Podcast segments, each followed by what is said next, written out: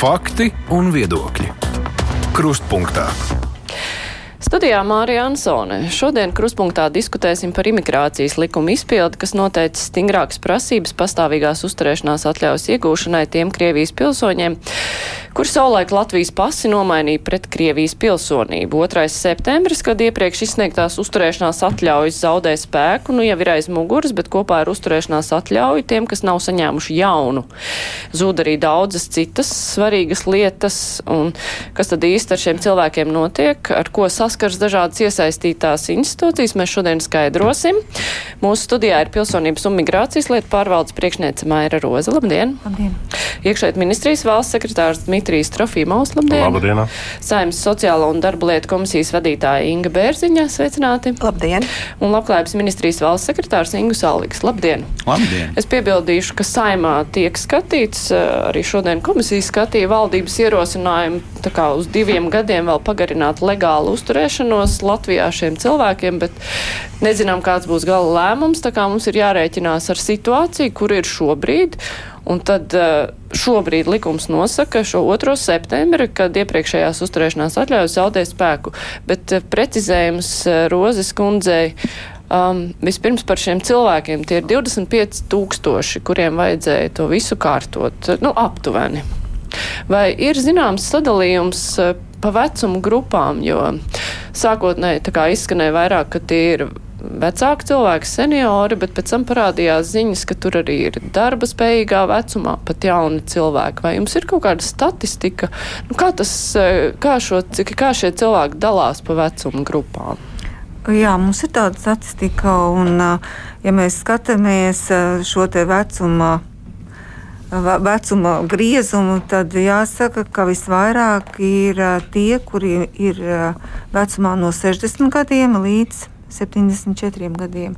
Šīs vecuma grupas ir tādas kā 4000, 7000 no 65 līdz 69 gadiem, 4000 ir no 70 līdz 74, un tad jau samazinās nepilni 2000 ir tie, kas 75, 79, un tad ir jau vēl mazāk tie, kas ir 80, 84 vai 85 un uz augšu. Bet uh, tad uh, tie cilvēki, kuri ir darbspējīgā vecumā, kuriem visticamāk šeit mm -hmm. šobrīd ir darbs, uh, nezinu, varbūt bērni uzturami vai kuriem uh, kaut kur mācās. Uh, protams, mēs nezinām viņu nodarbinātību un vispārējo, bet tad uh, sanāk, ka tie arī ir vairāk tūkstoši. Jā, tādi mums arī ir. Un, un, un, Jā, nu es nesaukšu visas kategorijas, jo es, bet jā, tā tad viss darbspējīgā vecumā ir arī dažādas skaitļi. Ļoti liela daļa. Jā, bet tad vispirms, lai saprastu, arī tas būs jautājums jums par šo cilvēku tiesisko statusu. Ja visu laiku ir izskanējis, ka otrais, pirmais septembris, līdz kuram darbojās pastāvīgās uzturēšanās atļaujas, mēs redzam, ka ir cilvēki 13 tūkstoši, kas ir pieteikušies, 6 tūkstoši, kam ir atkārtot atkārtots vai pat pirmreizējs valodas pārbaudas, tad eh, šiem cilvēkiem viņiem tās atļaujas šobrīd strādā, vai kāds ir viņu dokumentu status, ja tās eh, tika atzīts par nederīgām un tas septembris ir garām? Precizēšu, šobrīd mums ir, mēs, eh, mums ir 14,000, kas ir iesnieguši dokumentus. Tā kā skaits visu laiku aug un vēl. vēl Mums ir pēdējie, kas ir pagājušajā nedēļā ienākuši dokumenti, tiek pārbaudīti un apstrādāti, tā kā būs vēl mazliet. Uh, tas ir tas skaits, kuri ir iesnieguši dokumenti, dokumentus, un kurus mēs izskatīsim, lai piešķirtu vai nepiešķirtu statusu. Bet viņiem tā esošā atļauja, tas dokuments, kas viņiem ir, viņš ir derīgs vai viņš ir nederīgs? Viņiem, tie, kas ir iesnieguši, viņiem viss paliek derīgs līdz pat tam brīdim, kamēr mēs izskatām visus dokumentus. Viņi var ceļot, viņiem viss paliek tāpat, kā ir bijis. Tā kā šī laika posmā viņiem nekas nemainās. Tie, kas uh, ir iesnieguši, uh, iesnieguši, ir likuši eksāmenu, un ir kārtojuši eksāmenu, uh, bet nav nokārtojuši. Tie ir apmēram uh, 6,5 tūkstoši, kuri uh, atkārtoti pieteicās eksāmenam vēlreiz likt, un ko likumdevējs ir teicis, ka viņiem atkārtot jāliek līdz 30. novembrim to, eksāmens.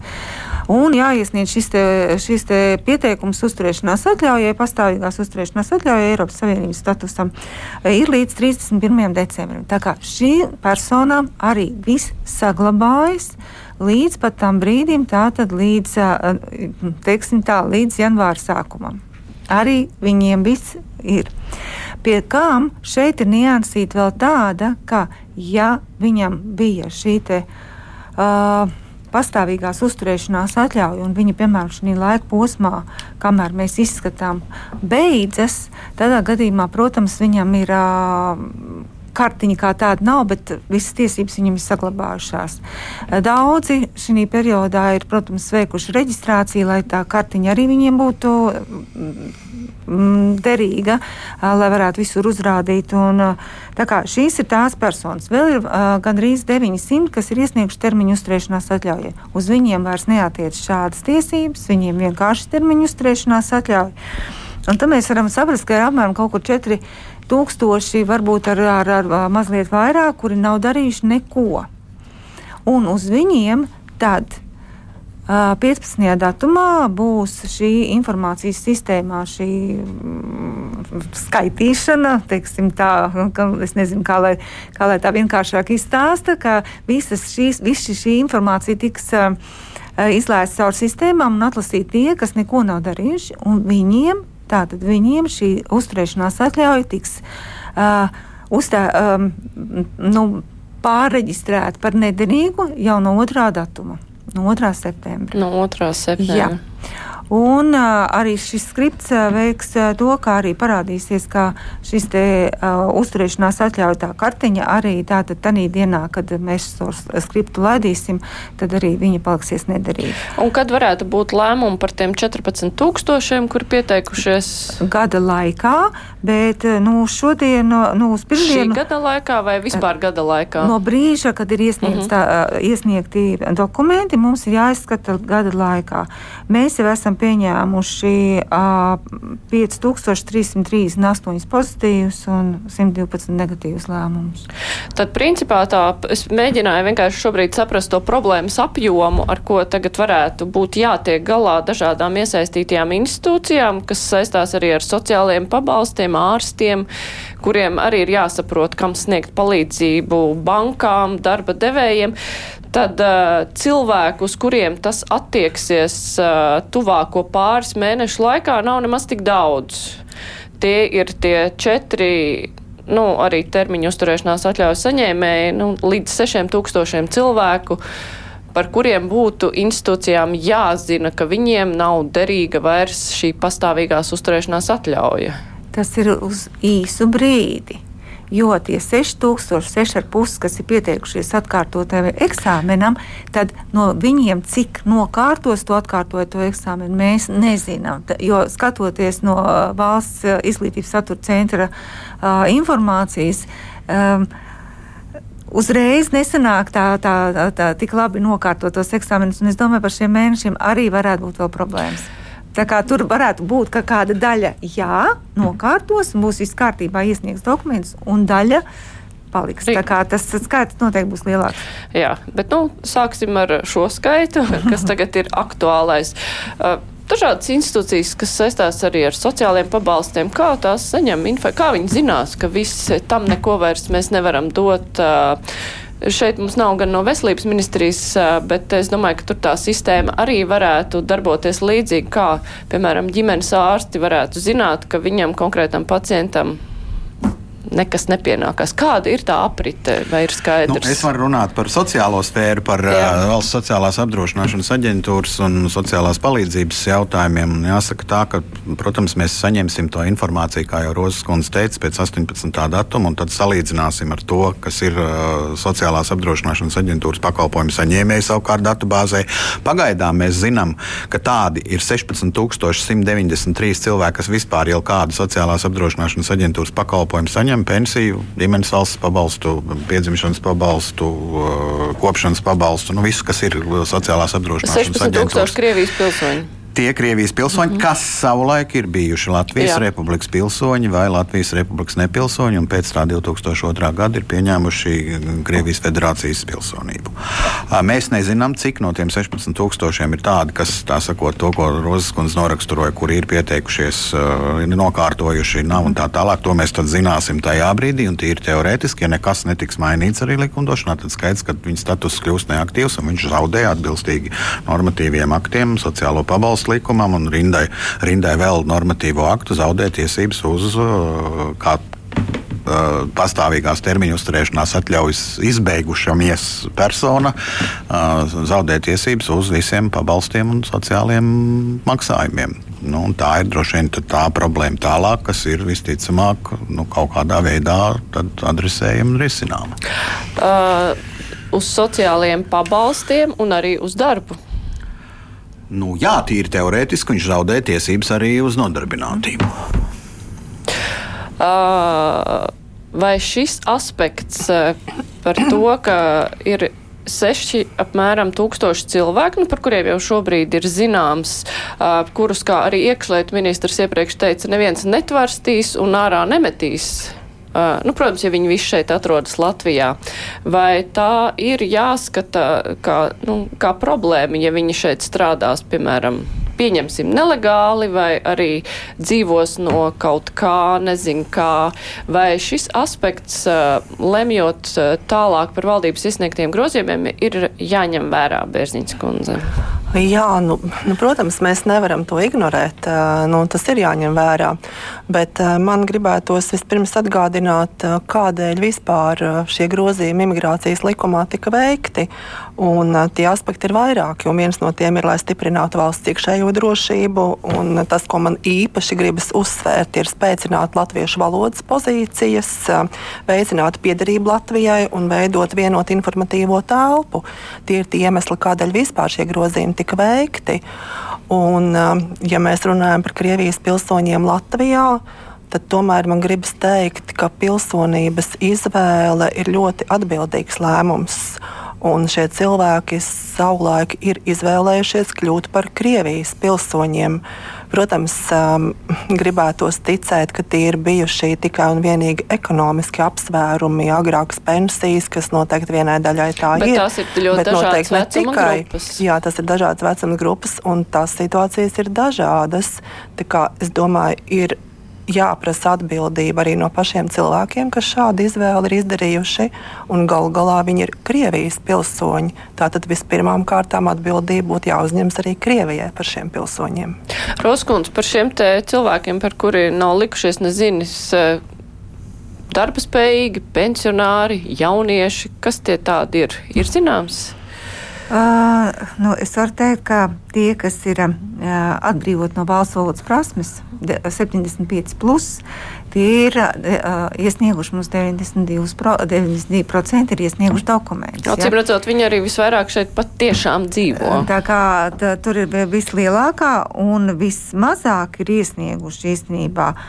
Tie, kas ir vecumā no 45 līdz 49, tur ir 42%, un uh, no 50 līdz 54 gadu vecumam 40%, kas ir iesnieguši.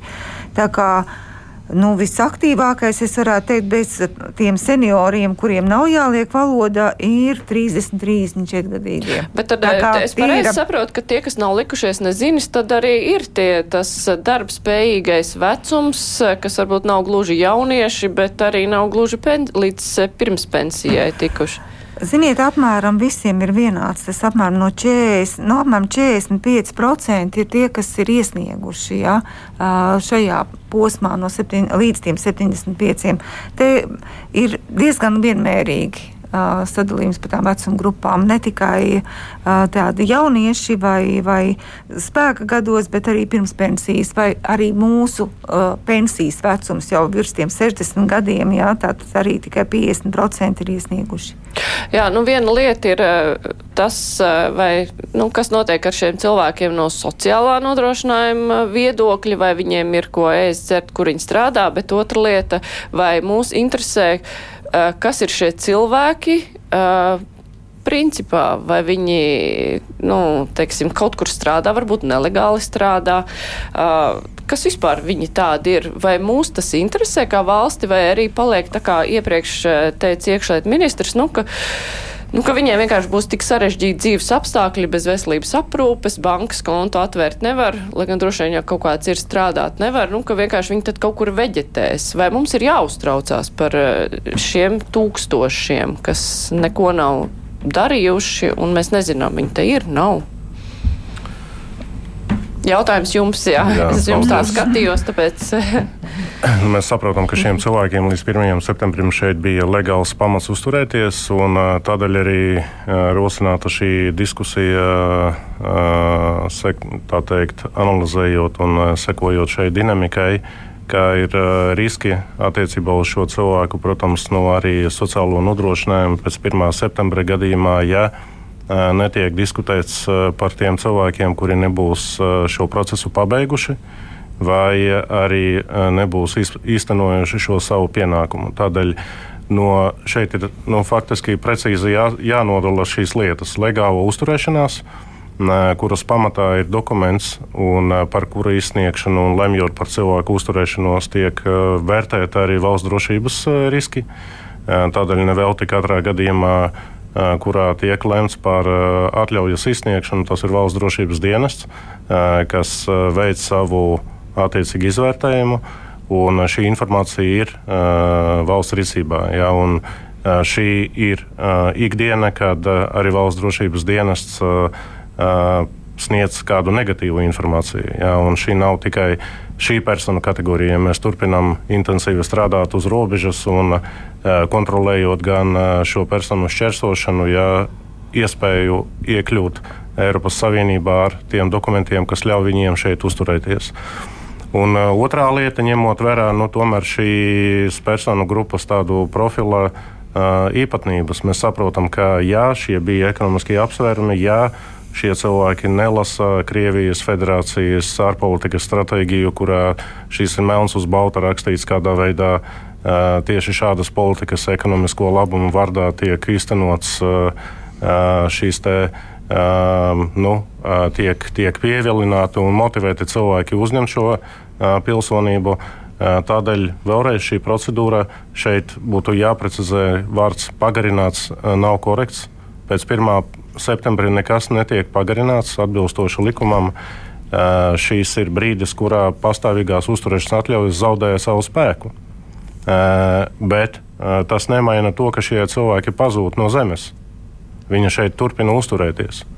Un, protams, tādēļ arī ir šī debata par to, ka pats svarīgākais ir likt par sevi zināt, izteikt šo vēlmi kārtot šos, šīs prasības. Un tieši šādas procedūras ietvaros, ja attiecīgie šie grozījumi tiek pieņemti, tiek nodrošinātas viņu uzturēšanas iespējas un sociālais nodrošinājums ne tikai no atļaujas izsniegšanas brīža, bet arī 90 dienu laikā, kā ir plānots, kamēr attiecīgi šīs lēmums tiek skatīts. Bet nu, tiksim, tas pats fakts, ka ir kaut kāda cilvēka daļa, par kuriem neviens tur īsti neko nezina. Ja, piemēram, PMLP viņiem sūta tās vēstules un viņi uz tām nereaģē, mēs pieņemam, ka viņu šeit vienkārši nav. Vai Mēs pieņemam to, ka tieši šajā brīdī, kurā pārvalde septembra vidū zinās skaidri šo cilvēku sarakstu, kuri neko nav nonākuši mūsu redzeslokā, katrs no šiem cilvēkiem tiks informēts. Jā, tātad, tādā veidā mēs vēlreiz mēs zinām, kas ir šie cilvēki, un ir svarīgi vēlreiz un vēlreiz tā teikt, eh, gan šos cilvēkus informēt par uh, likuma prasībām, kas arī darīts uh, nu, faktiski visu šo laiku. Un, protams, pašiem cilvēkiem ir viņu rokās, vai viņi šo situāciju kārto. Jo, ja nē, nu, ir jāsaka, ka Latvija nav vienīgā unikālā valsts, kurā globāli pastāv kāda cilvēku kategorija, kurie nu, joprojām uzturās un e, viņu nodrošinājums nav atrisināts un tā tālāk. Jā, tā mēs faktiski ar šī likuma e, prasībām esam e, nu, izveidojuši vai izveidota šī personu grupā ar kuru noteikti būs individuāli katrā gadījumā jāstrādā. Bet tas nozīmē, ka pat ja šie cilvēki nereaģē, neatbild uz vēstulēm, nesazinās ar PMLP, viņus kāds meklēs tomēr rokā. Pie viņiem, nezinu, brauks policija vai kas. Nu, šeit darbojās arī nu, tā pieeja, kad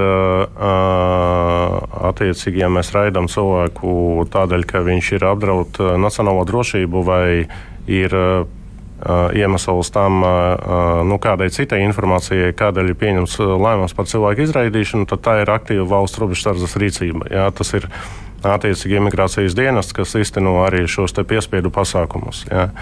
Bet šajā gadījumā mēs saprotam, ka šis ir pāragras jautājums. Es uzsveru, šis ir pāragras jautājums, jo šobrīd mēs tātad nos, identificējam, kas ir šīs cilvēku saraksts.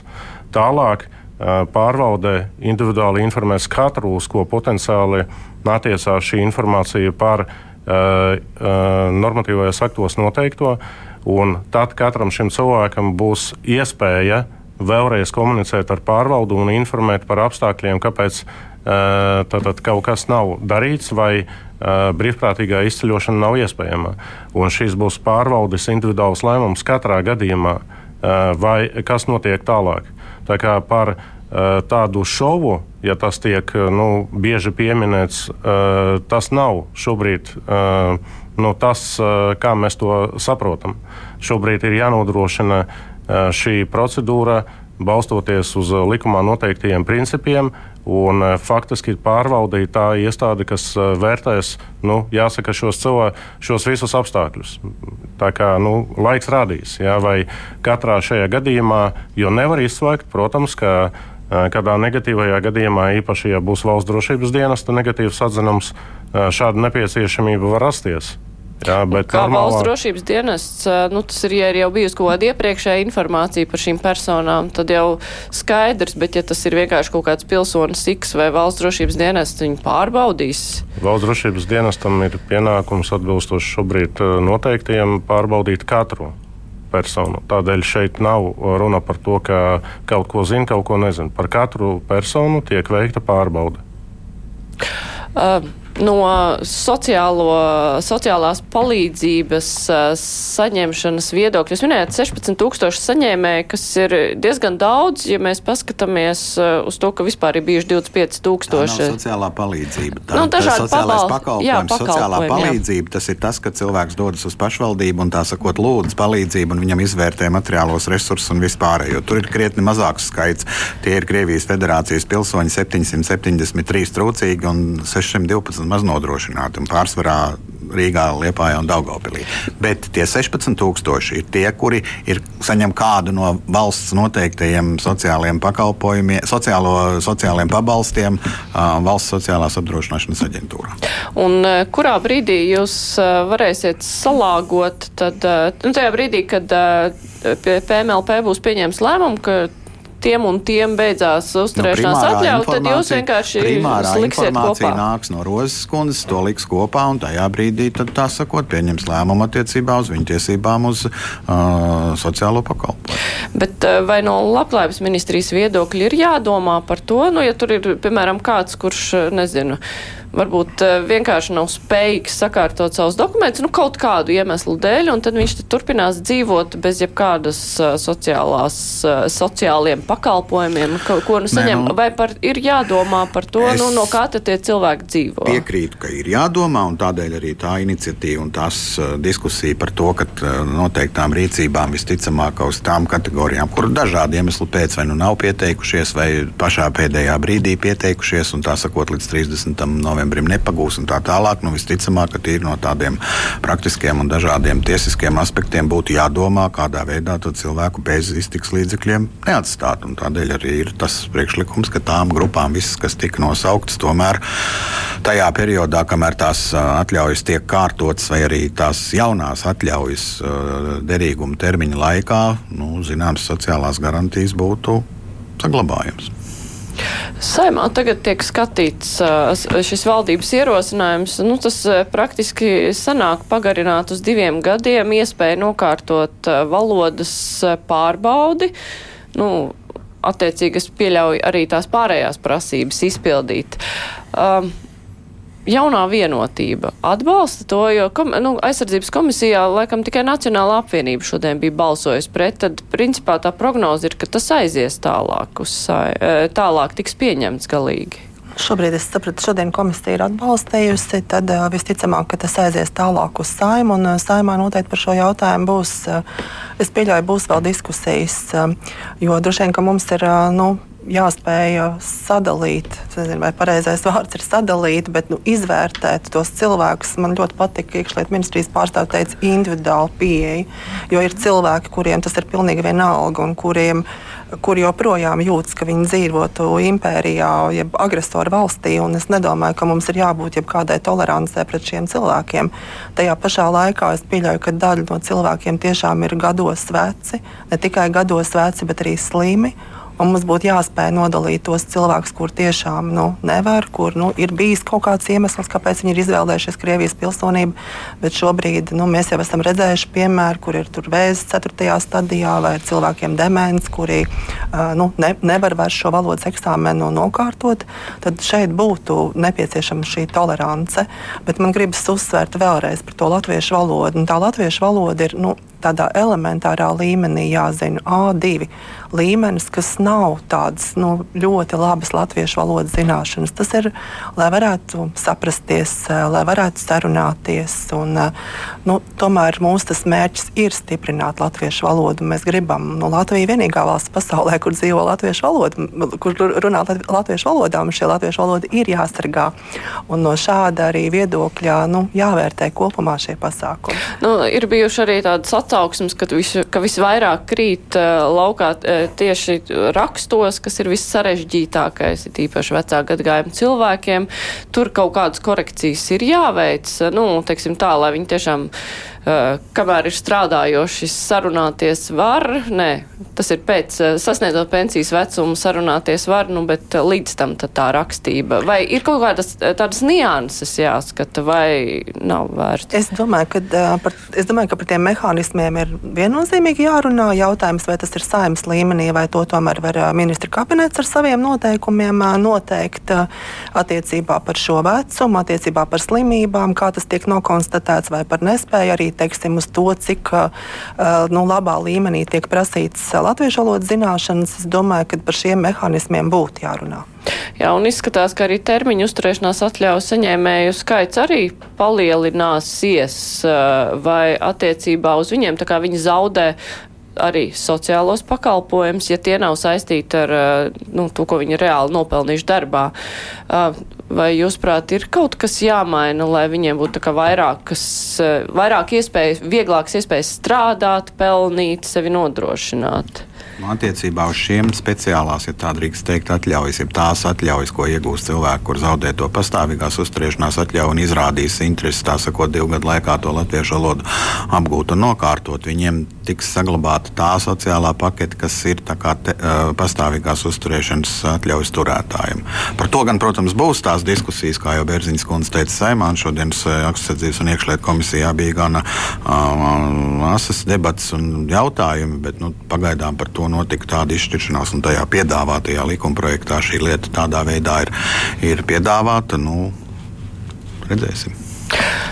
Individuālā pieeja, par to mēs tulīt runāsim. Man tikai ir jāatgādina, ka šodien kopā ar mums ir pilsonības un migrācijas lietu pārvaldes priekšniece Maira Roze no Saimnes sociālo un darba lietu komisijas vadītāja Inga Bērziņa, uh, Ingu Saliks, Labklājības ministrijas valsts sekretārs un Dmitrijs Trofīmovs, iekšlietu ministrijas valsts sekretārs, un mēs tulīt turpināsim. Raidījums Krustpunktā tajā brīdī, kad ir eh, runa par individuālu pieeju un daudziem tūkstošiem cilvēku uzreiz eh, gribas zināt, eh, nu, tos cilvēkus, kuriem ar to būs jāstrādā. Tas ir milzīgs darbs individuāli izskatīt katru lietu. Vai tā individuālā pieeja ir algoritms, kam ir jāatbilst katram iesniedzējam, vai tomēr PMLP darbinieki ir Viņiem ir laiks un iespēja izpētīt katru gadījumu, katru iemeslu, kāpēc kāds kaut ko nevar. Pirmkārt, mēs par katru, katrs gadījums mums ir individuāls, un ši, šis nav kaut kas kaut kas savādāks nekā mēs strādājam. Mums katra uzturēšanās atļauja ir individuāla, un katram ir, um, katrai personai ir individuālā personas lieta ar dokumentiem, kurus mēs arī pētām. Nu, lieta ir, protams, Jā. un tad var skatīties tā, šitie ķeksīts ir, šitie mm. dokumenti ir, viss ir individuāli izskatīts, bet tā ir tomēr tāda, nu, kopīga pieeja. Bet vai tie gadījumi, nu, kad pieņem lēmumu, ka es iedziļinos uh, tur uh, kaut kādas uh, cilvēka X, kungs tajā konkrētajā sāpē, kāpēc viņš kaut ko nevarēja atnest vai izdarīt, vai tādā mērā jūsu darbinieki spēja iedziļināties, viņiem ir laiks ar to nodarboties? Ja tas būs nepieciešams, jā, mums ir, protams, arī gadījumi, kad persona nevar, ir kaut ko nokavējusi un ir, ne, ir jā, jāizvērtē, vai tas bija pamatoti vai nepamatoti. Tā mēs arī darām ikdienā šobrīd. Un šis ir arī tas pats gadījums, ka ja tas cilvēks kā arī mums, piemēram, uzrakstīja, ka uh, cilvēks nenokārtoja, nu viņš ir tiešām uh, slims cilvēks, bet pie rehabilitologa pieraksts ir novembrī un viņš tāpēc nav iesniedzis, tāpēc viņš nav gājis uz valodu. Nu, šis būs tas gadījums, ka, ja likumdevējs teiks, ka tādām personām var izsniegt termiņu uzturēšanās atļauju, tad tas ir viens no variantiem, ka mēs izvērtējam, jā, viņam ir pieraksts, tāpēc viņš arī neko nav darījis, viņam reku ir tādas un tādas uh, problēmas, un tas tiek ņemts vērā. Un, un, un tas varētu būt attaisnojums, kāpēc viņš nav kaut ko laikā izdarījis, bet viņam jādod ir tiesības šobrīd vēl kaut ko darīt. Tā kā, nu, piemēram, ir šādi gadījumi, un tādi mums arī ir tagad daudzos gadījumos, lai izsniegtu vīzu, piemēram, vai arī izsniegtu uzturēšanās atļauju, ja viņš ir, piemēram, saku, nokavējis, vai ir attaisnota prombūtne vai nav. Mums ir ļoti daudz imigrācijas likumā tādā, tādas nianses, kuri tiešām ir jāvērtē, un mēs vērtējam. Bet nu, tas ir tas strīdīgais brīdis, kad no vienas puses nu, visi grib taisnīgumu, lai visiem pieņem lēmumu pēc taisnīguma principa, tajā pašā laikā nu, tas individuālais lēmums arī ir atkarīgs no tā, nu, no tā konkrētā darbinieka attieksmes. Viņš to grib pieņemt vai negrib, bet eh, kaut kādas tādas noteiktas vadlīnijas iestādē ir nu, tās tendences, uz ko mēs eh, kā ejam. Uh, jā, protams, kā šajos gadījumos, nu, būtībā jau administratīvais process, procesa likums mums jau uh, ir noteicis, kā mums jāvērtē. Tā kā tas nav nekas jauns, bet uh, atkarībā no kaut kādas jomas vai kaut kas, piemēram, par šiem grozījumiem, protams, mums būs uh, tie gadījumi lielākie norādīti, kādos gadījumos mēs kā skatāmies, vadlīnijas, un tad, ja tas iet ārpus tā rāmja, tādā gadījumā jau ir uh, citi augstākās klases speciālisti, kuri to skatīsies un dos, kom, uh, tos norādījumus, kā rīkoties. Bet, nu, no iestādes viedokļa tie divi gadi, tas tie jums būtu vajadzīgi, lai to varētu, nu, teiksim tā, saprātīga laikā un ar saprātīgu noslodzi izskatīt? Vai PMLP gribētu, lai saim pieņemtu divu gadu lēmumu, vai labāk nevajag ātrāk izdarīs un miers?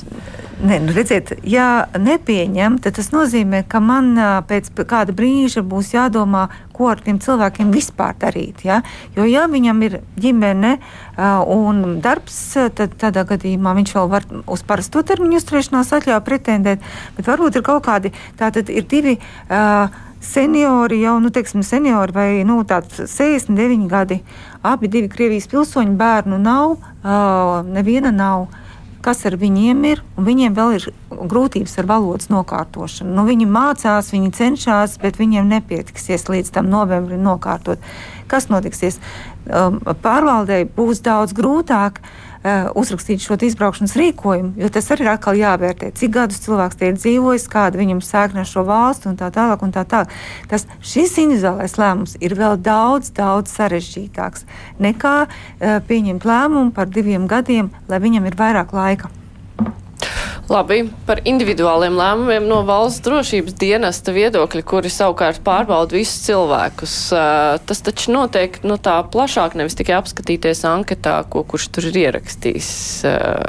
Nu, jo ar to varētu nodarboties arī PMLP, tur nevajag valsts drošības dienesta iesaisti. Nu, ja jautājums ir par to, ko valsts drošības dienas tieši vērtēs, es domāju, jūs saprotiet, ka. Nu, ne jau precīzi, jā. bet vairāk nekā kā, ko viņš ir anketā atbildējis. Nu, tieši tā, arī tie apstākļi, tā informācija, kas ir norādīta, iespējams, tā arī ir kāda individuāla intervija. Nu, tas jau ir, jau ir darba specifika un metodes. Un šeit arī runa par tūkstošiem, vai arī nu, tas, tas, kuri tiek tā sīkāk pārbaudīti, ir krietni mazāks skaits. Nē, nu, kopumā mēs runājam par to, ka šī jau ir tikai daļa no tā darba, ko veids ikdienā pārvalde ja, un valsts drošības dienests. Vēlreiz es speciāli pieminēju gan robežu hibrīdu apdraudējumu, gan arī, protams, visu to atbalstu Ukrainas iedzīvotājiem. Šobrīd tie ir vairāk kā 50 tūkstoši dokumenti, kas kopumā valsts pārvaldē ir noprocesēti gan sociālajā pusē, pašvaldību, gan pārvalde izsniedzot šos dokumentus, nekur nepazūd dokumentu rinda un tā tālāk. Tā arī valsts drošības dienestam šī ir viena no personu kategorijām, ar ko tiek strādāts. Bet ir jāsaka, ka arī pēdējos gados gan valdība, gan saima atbalstīja attiecīgi tās vajadzības, kas bija saistītas ar kapacitātes stiprināšanu. Tā kā nu, šeit, protams, beigās arī ir jautājums par reālu cilvēku pieejamību, lai to nodrošinātu, bet uh, likums ir tāds, kāds viņš ir, un viņš ir jāpilda. Mm, vēlreiz šī ir viena no kategorijām, ko, nu, ja mēs runājam par drošības dienestu, nu, notiek šīs darbs. Bet un darba apjoms ir pieaudzis krietni ar šo? Nu, šobrīd droši vien tad, kad uh, uh, putekļi nosaidīsies, pēc vairākiem gadiem būs iespējams matemātiski kādam to visu analizēt un vērtēt, bet nu, tas ir vairāk kārtīgi skaidrs. Gan uh, pārvaldes pusē, gan drošības dienesta pusē nav šaubu, ka arī eh, kolēģiem citās eh, valsts pārvaldes iestādēs. Nu jā, bet eh, no tā, kas arī šeit iepriekš izskanēja, tas, nu, kā tiks vērtēti šie te jau iesniegtie iesniegumi, varbūt arī kas vēl vēlāk parādīsies, un tie individuālie gadījumi. Nu, varētu diezgan stipri pieaugt termiņu uzturēšanās atļauju saņēmēju skaits. Nu, teiksim, ja viņš nevar uz to pastāvīgo pretendēt, tad viņi praktiski visi aizies uz termiņu uzturēšanās atļaujām. Nu, vai nu tagad uh, uz tā, tā kā ir pašreiz iespējams imigrācijas likumā, kāds ir tās termiņu uzturēšanās atļaujas, vai arī, ja likums, uh, likumdevējs lems, ka uz šiem diviem gadiem iedot termiņu uzturēšanās atļauju, jā, tie cilvēki, kas nevarēs nokārtot un saņemt šobrīd pastāvīgā, pastāvīgā iedzīvotāja status, viņi noteikti pieprasa uh, lūk šo te termiņu uzturēšanās atļauju. Un viņi visi tiks pārbaudīti drošības iestādē, ja jūs domājat, vai kā, kāda daļa, nē, viņi visi visi, tātad visas termiņu uzturēšanās atļaujas, arī tā skaitā arī pastāvīgās uzturēšanās atļaujas pieprasījumi tiek nosūtīti pārbaudē. Nu jā, ne, tas, ka, uz ko es tā lēnām vedinu, eh, saprast, eh, cik tad eh, gal galā nu, varētu cilvēki pamest Latviju visa šī rezultātā, nu, kuri negrib ne sadarboties, negrib ne mācīties valodu, neko negrib. Uh, un, uh, droši vien arī nav pietiekami ilgi nodzīvojuši, jo, ja ir, cik vispār skaitās tas uh, ilgi nodzīvotais termiņš, eh, pēc kura nevar tā vienkārši izraidīt. Ir kaut kāds konkrēts gadu skaits?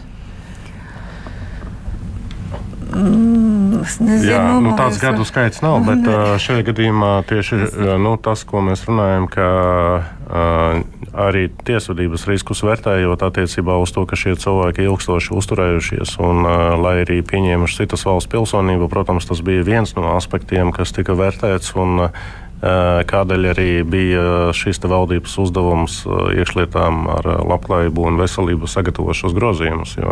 Mēs saprotam, ka tieši šīs jūsu jautājums par šo raksturu tai uzturēšanai vienlaikus ar, tā kā Bērziņas kundze minēja, šo neapšaubamu saimas vēlmi stiprināt valodu arī šai personu kategorijai.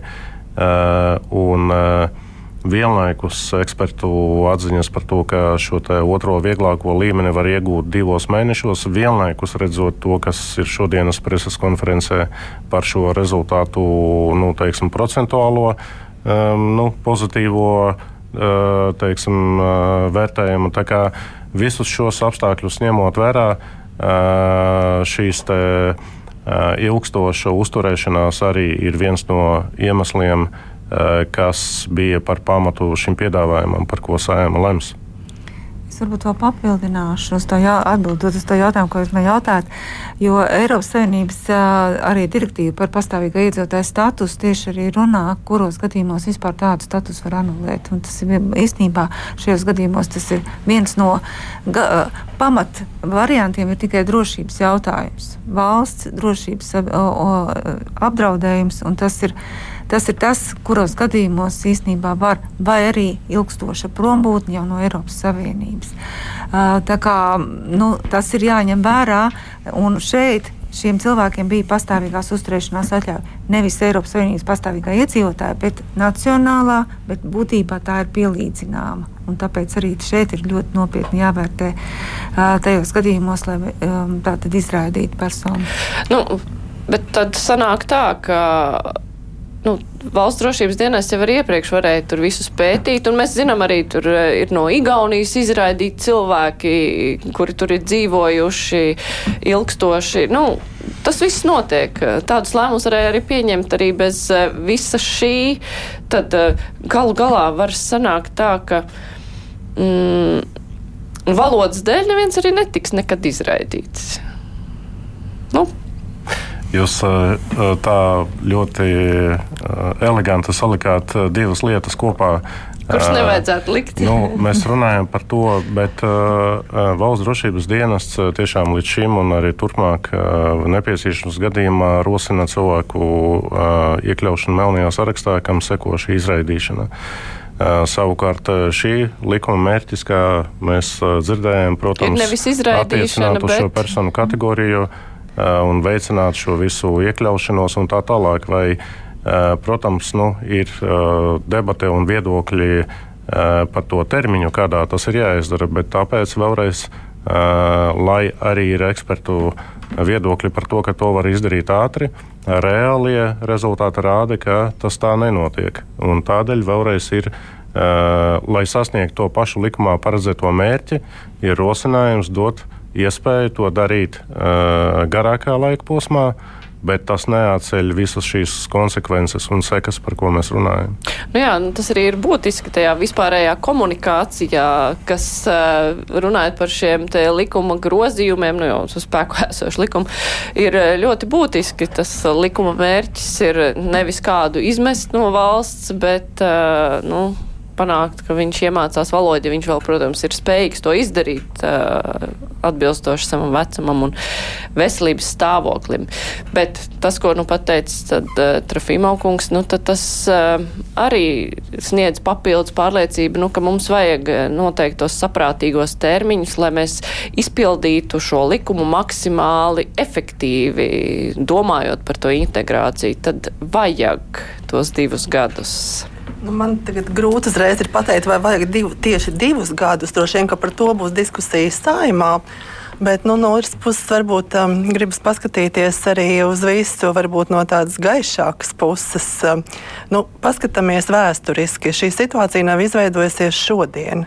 Mums ir patstāvīgās uzturēšanās atļaujas Krievijas pilsoņiem. Uh, 33 gadus kopš neatkarības iegūšanas. Un tie Mēs Krievijas esam... pilsoņi, kuri iegūst, piemēram, atbraucot no Krievijas, viņi jau kārto to valodas pārbaudi. Kāpēc tieši vispār tā. ir tāda situācija, ka Latvijā dzīvojušiem nav jākārto? Jā, tieši tā. Jautājums ir izveidojies vēsturiski, un droši vien mēs, mums šodien diezgan neiespējami ir paprasīt atbildību, kāpēc un kad šie lēmumi ir bijuši pieņemti, bet nu, mēs esam tādā situācijā, kādā mēs šobrīd esam. Mums ir šie Krievijas pilsoņi, kur mēs esam atļāvuši viņiem paņemt Krievijas pilsonību un iedevuši patstāvīgās uzturēšanās atļaujas. Nu, pagājuši 33 gadi. Kāpēc tas no pozitīvās puses? Ja mēs divu gadu laikā varam to atrisināt, un jāsaka, ka tieši Ukraiņas karš ir veicinājis, ka mēs nu, esam pieķērušies šai situācijā un viņi risinām un prasam latviešu valodas zināšanas un skatāmies savādāk kopumā uz agresoru valsts, kas mums ir kaimiņos, tad, ja mēs varam uz 35 neatkarības gadiem teikt, ka mēs šo situāciju būs, būsim atrisinājuši, es jau domāju, tas jau būtu tāds eh, varbūt labs rādītājs. Uh, bet kopumā tas, ko man vēl gribējās teikt, uh, mēs šobrīd nu, ļoti ilgu laiku tērējam un veltam diskusijām un arī dažādām sanāksmēm attiecībā uz Krievijas pilsoņiem. Nu, mums šodien no rīta bija ļoti smaga sociālās un darba lietu komisijas sēde par mūžīgajiem bērniem, par cilvēkiem ar invaliditāti. Mums ir uh, tik daudz uh, Latvijas pilsoņu, kuriem ir vajadzīga šodienas palīdzība, šodienas rūpes un šodienas Bet, nu, uzmanība. protams, arī protams, mēs nevaram, jā, mēs, jā, mēs nevaram ignorēt, ka mums ir šie Krievijas pilsoņi, bet uh, jā, tad nu, Nē, tomēr. nu, nu, jā, bet tomēr tā kā mūsu diskusija ir par Krievijas pilsoņiem, tad tomēr.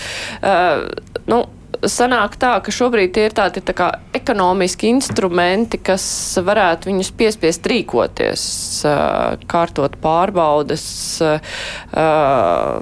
un kamēr tas nav izdarīts, tikmēr nevar ne strādāt, nesaņemt sociālo palīdzību, tad uh, varbūt, uh, nu, tad šie ekonomiskie instrumenti ir jāsaglabā, lai cilvēkus mudinātu, vai tomēr tas ir pārāk mm, nu, nežēlīgi. Um, es domāju, ka uh, likuma grozījumi bija nepieciešami. Un, kā jau minēju, jau sāku, sākumā mērķus uh, šiem likuma grozījumiem bija vajadzīgi un iespējams to vajadzēja izdarīt ātrāk. Bet um, jā, visā šajā situācijā, neskatoties uz to, ka es minēju arī uh, nu, tās daudzās vajadzības, kas kopumā ir mūsu valstī, tas, ko, tas, ko minēja arī.